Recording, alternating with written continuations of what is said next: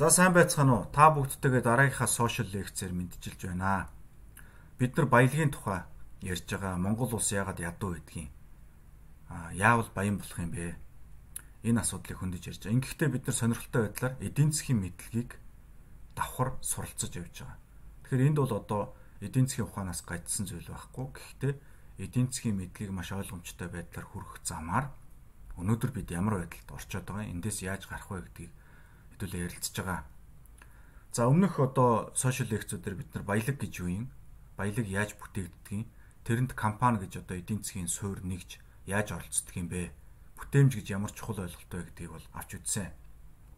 За өнөөдөр энэ баялаг бүтээгдэх явцад юу саад болоод байгаа юм бэ гэдэг асуудлыг авч үзнэ. Сингапур улсын тухай бид нар ярьдаг 1960 онд тусгаар тогтносон а ердөө 30 30 км ийм арлын орн байж байгаа. Байгалийн баялаг гэж юм байхгүй. Цэвэр ус байхгүй. Цэвэр усаа гадаадаас судалдаж, Малайзаас судалдаж авдаг. Ингээд ерөөсө 30 жилийн дотор дэлхийн хамгийн өндөр хөгжилтэй улс болсон. Тэгэхээр Сингапур улсын компаниуд бүгдээрээ нийлээд өнөөдөр 323 тэрбум долларын дотоодын нийт бүтээгдэхүүн үйлдвэрлэж гаргаж байна. А харин Монгол улсын нийт компаниуд нийлээд ердөө 12 тэрбум одоо долларын л дотоодын бүтээгдэхүүн гаргаж байгаа. Тэгэхээр Сингапур улсын хүн амын тоо бол 5.8 сая байж байгаа. Монгол улсын 3.2 сая. За ингээд жишээд үзэх юм бол Сингапур улс нэг хүнд ногдохоор одоо баян улс байна. Монгол улс бол нэг ядуу улс гэсэн ангилалд орох нь ойлгомжтой харагдаж байгаа бах. За өмнөх видеог одоо үзээгүй хүмүүс бол эргэж заавал үзчихэд энэ видеог үзээрэй зөвлөе. Дараалалаараа явж байгаа. За Тэгэхээр Монгол улсын дотоодын бүтээгдэхүүн бол 12 тэрбум доллар байна хүн амын хэмжээ 3.2 сая. Би ингээд хэд хэдэн улсуудыг харьцуулах зорилгоор та бүхтэй харуулъя. За нэгдүгürt Өмнөд Америкт байдаг Уругвай гэдэг улс 3.4 сая хүнтэй 56 тэрбум долларыг бол үйлдвэрлэж байна. За Литв гэдэг Европын жижигхэн улс байгаа 2.8 сая хүнтэй 47 тэрбум долларын бүтээгдэхүүнийг үйлдвэрлэж байна. За Африкийн Ботсван гэдэг бас жижигхэн улс 2.3 сая хүн амтай мөртлөө нийт эдийн засгийн хэмжээ бол 17 тэрбум доллар байна. За Латв гэдэг улс 1.9 сая гээд Монголоос бүр цөөхөн хүнтэй ингэхдээ 30 тэрбум долларын нийт эдийн засгтай бол байж чадж байгаа юм байна. За Сингапурыг түрүү ярьсан 5.8 сая хүнтэй 323 тэрбум долларт эдийн засгаа ердөө 40 жилийн дотор хүргэж чадсан байна. За би энд бас нэг жишээ оруулсан Босны Херцеговин гэдэг. Энэ бол одоо хуучин та бүгд мэдж байгаа бол Югослав гэж улс 90 онд задрахад байгуулагдсан улс 3.5 сая хүнтэй 18 тэрбумын одоо дотоодын нийт дэхтгүнтэй. Яагаад энэ улсыг харьцуулсан бэ гэхээр та бүгд одоо Босны дайн гэж сонссон уу? Сараве Сараево хотын одоо бүслэлт гэж сонссон уу?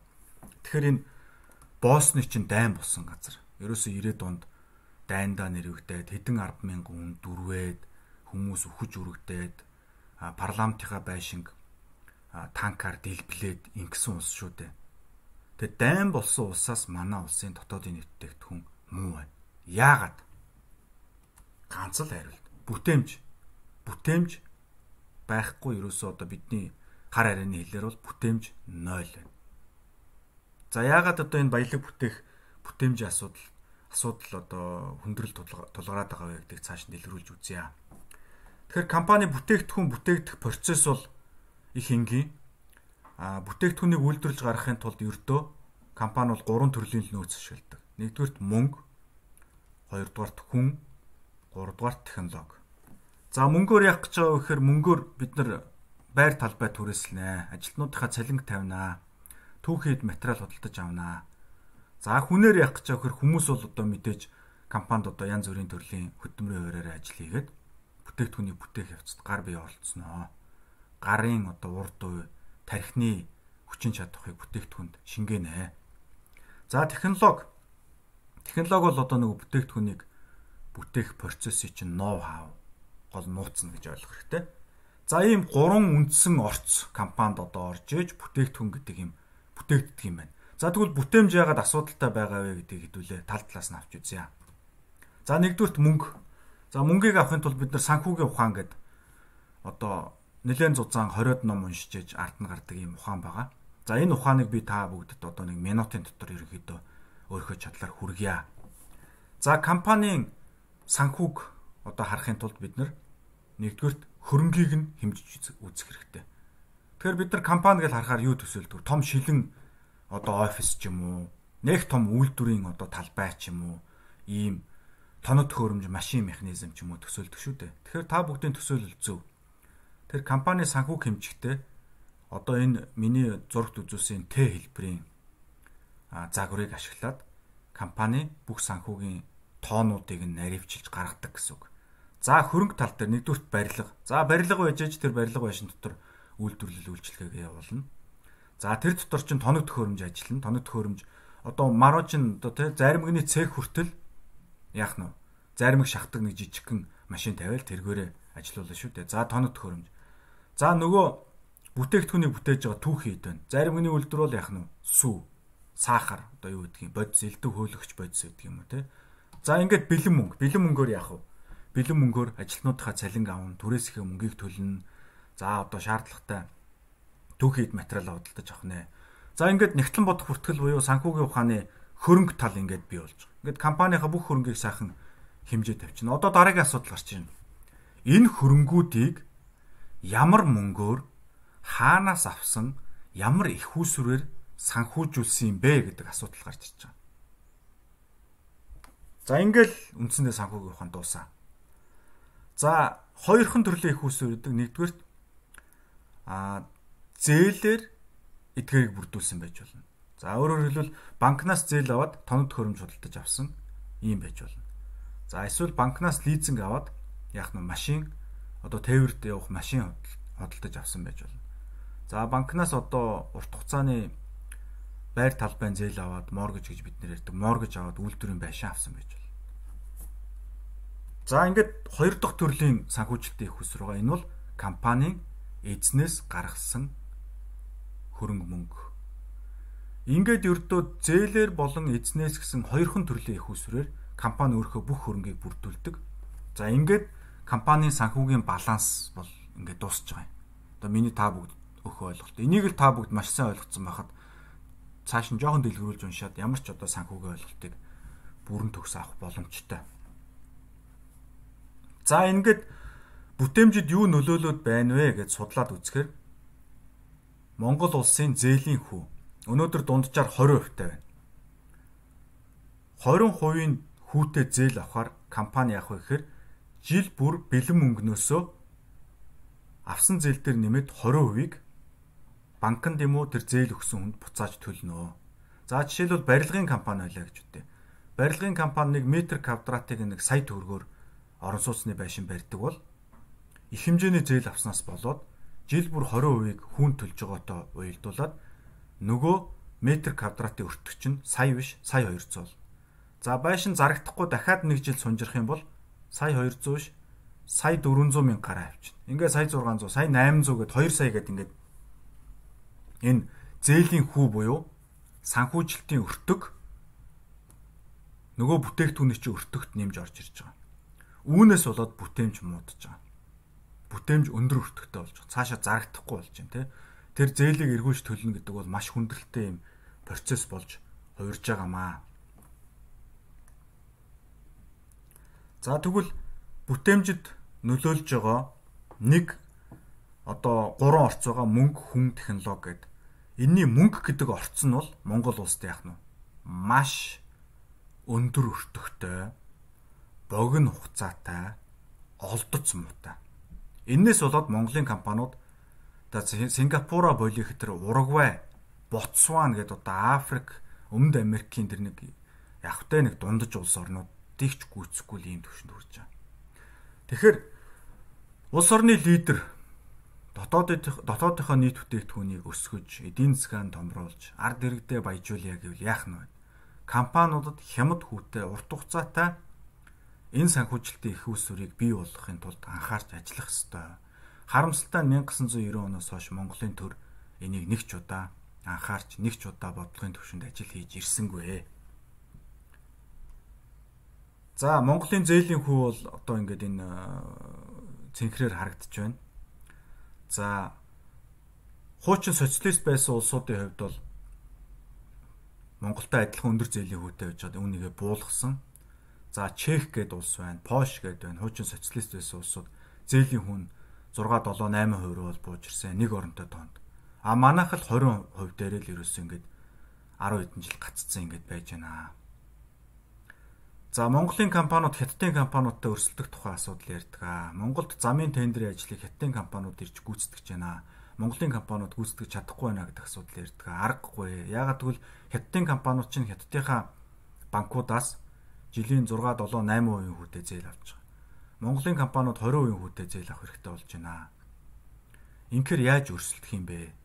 Монгол улс дэлхийдээ өрсөлдөе. Хятадтай Оросд Оростой өрсөлдөё гэвэл яах ёстой вэ? Зээлийн хүн дор хаяж ижил төвшөнд байх ёстой. Энийний дараа одоо бусад инновац менежментийн чадварын асуудлыг ярих ёстой.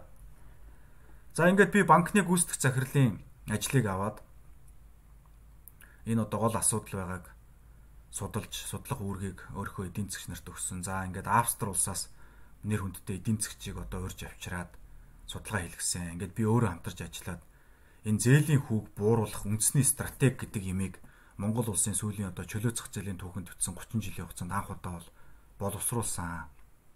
Харамсалтай нь өнөөдөр одоо 2019 он а энэ баримтчгийг боловсруулсан хугацаа 2017 он. А энэ баримтчгийн улсын хуралд Монгол банкнд бүх байгууллагад бол хургуулсан. Тэгээд яг хав дагуулад улсын хурал дээр нэг ажлын хэсэг байгуулагдаад тэгээ өнөөдөр одоо ингээд 20 оны сонгуультай золгож байна улсын хурл бол одоо энэ зээлийн хүүгэл бууруулах хэвээр. Тэгжээж л эдийн засгаа томруулна ард түмнээ баян бол. Тэгээ бэлэн одоо энэ бэлэн хоолыг нь бантанг нь бэлдээд өгцөн. Энэгээр бол зээлийн хүү Монголд яагаад өндөр байгаад байгаа юм бэ? Энийг яаж бууруулах юм бэ гэдэг судалгааг л шинжлэх ухааны үндэстэй байсан. Бид нар 30 жил чөлөө зах зээл зах зээлээр явхдаа сүрэтэ хүншгэл явж байгаа. Зээлийн хүү гэдэг бол банкны захирал дотоодог зүйл биш. Улсын хурал дээр хууль батлаад хүчээр тэд бай, эд бай гэж тогтоодог зүйл биш. Зээлийн хүү гэдэг бол эдийн засгийн үзэгдэл юм аа.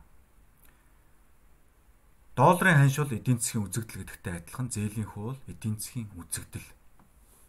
Хүнээр ярил эдийн засаг өвчлсөн байна гэсэн үг. Тэгэхээр бид нар 30 жилийн турш одоо сүрээтэй хүнийг ханиа төрцөн байна гэж үзэл ханиалга дарахал эм өгөө яваад.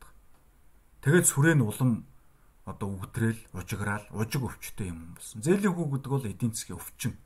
Тэгэхээр энэ яагаад би ийм өвчин хууч яриад эхэлсэн бэ гэхээр энэ Монгол улсад зээлийн хүү өндөр байна гэдэг чинь халуураад өндөр хэмтэй халуураад байна л гэсэн үг шүү дээ. Шалтгааныг нь олж чадахгүй өнөөдөр хүртэл явлаа. Энийг бид нар хамтдаа шалтгааныг нь олсон юм аа. Яагаад зээлийн хүү өндөр байдаг? Шалтгааныг нь л олсон. Энэ зээлийн хүүг бууруулах стратеги бидний боловсруулсан баримт чи ерөөсө гол ач холбогдол нь энэ шалтгааныг нь анх удаа үнэн зөвөөр оншилсан. Өмнө нь энийг олон улсын валютын санж оншилж чадаагүй, дэлхийн банк ч оншилж чадаагүй, Монгол банк ч оншилж чадаагүй. Одоо энийг хүлээн зөвшөөрөх хэрэгтэй. Нэг Монгол одоо хэсэг хүмүүс нь энийг онцлоод гаргаад ирлээ. Аваад үргэлжлүүлээ явахын оронд одоо энийг үгүйсгэх, дарах, мяалах те одоо энийг одоо энэ л одоо зээлийн хүүг бууруулах энэ стратегийг л авахгүй өөр өөрсдөө л хувилбарыг гаргана гэд ухамтаад Одоо 2 жил боллоо. Дахиад 20 жил болоход бол гайхгүй шүү дээ юм. Би ч одоо их олон үзээд сурцсан дөө. За тэгээд энийгээ бол санхүүгийн философи гэд би ном бичсэн. Энэ ном дээр бас маш дэлгэрэнгүй оруулаад олонний хүртэл болгосон. Тэгээ харамсалтай нь өнөөдрийг хүртэл одоо ямар ч одоо фидбек гэж бид нар ярьдаг те ямар ч хаа юу хүү юу үгүй нэг ч улсын хурлын гишүүн нэг ч одоо төрийн нэг ч одоо эдийн засгч хүн одоо над руу ярьсангүй Өө тэр чин тийм байлээ шүү, ийм байлээ шүү.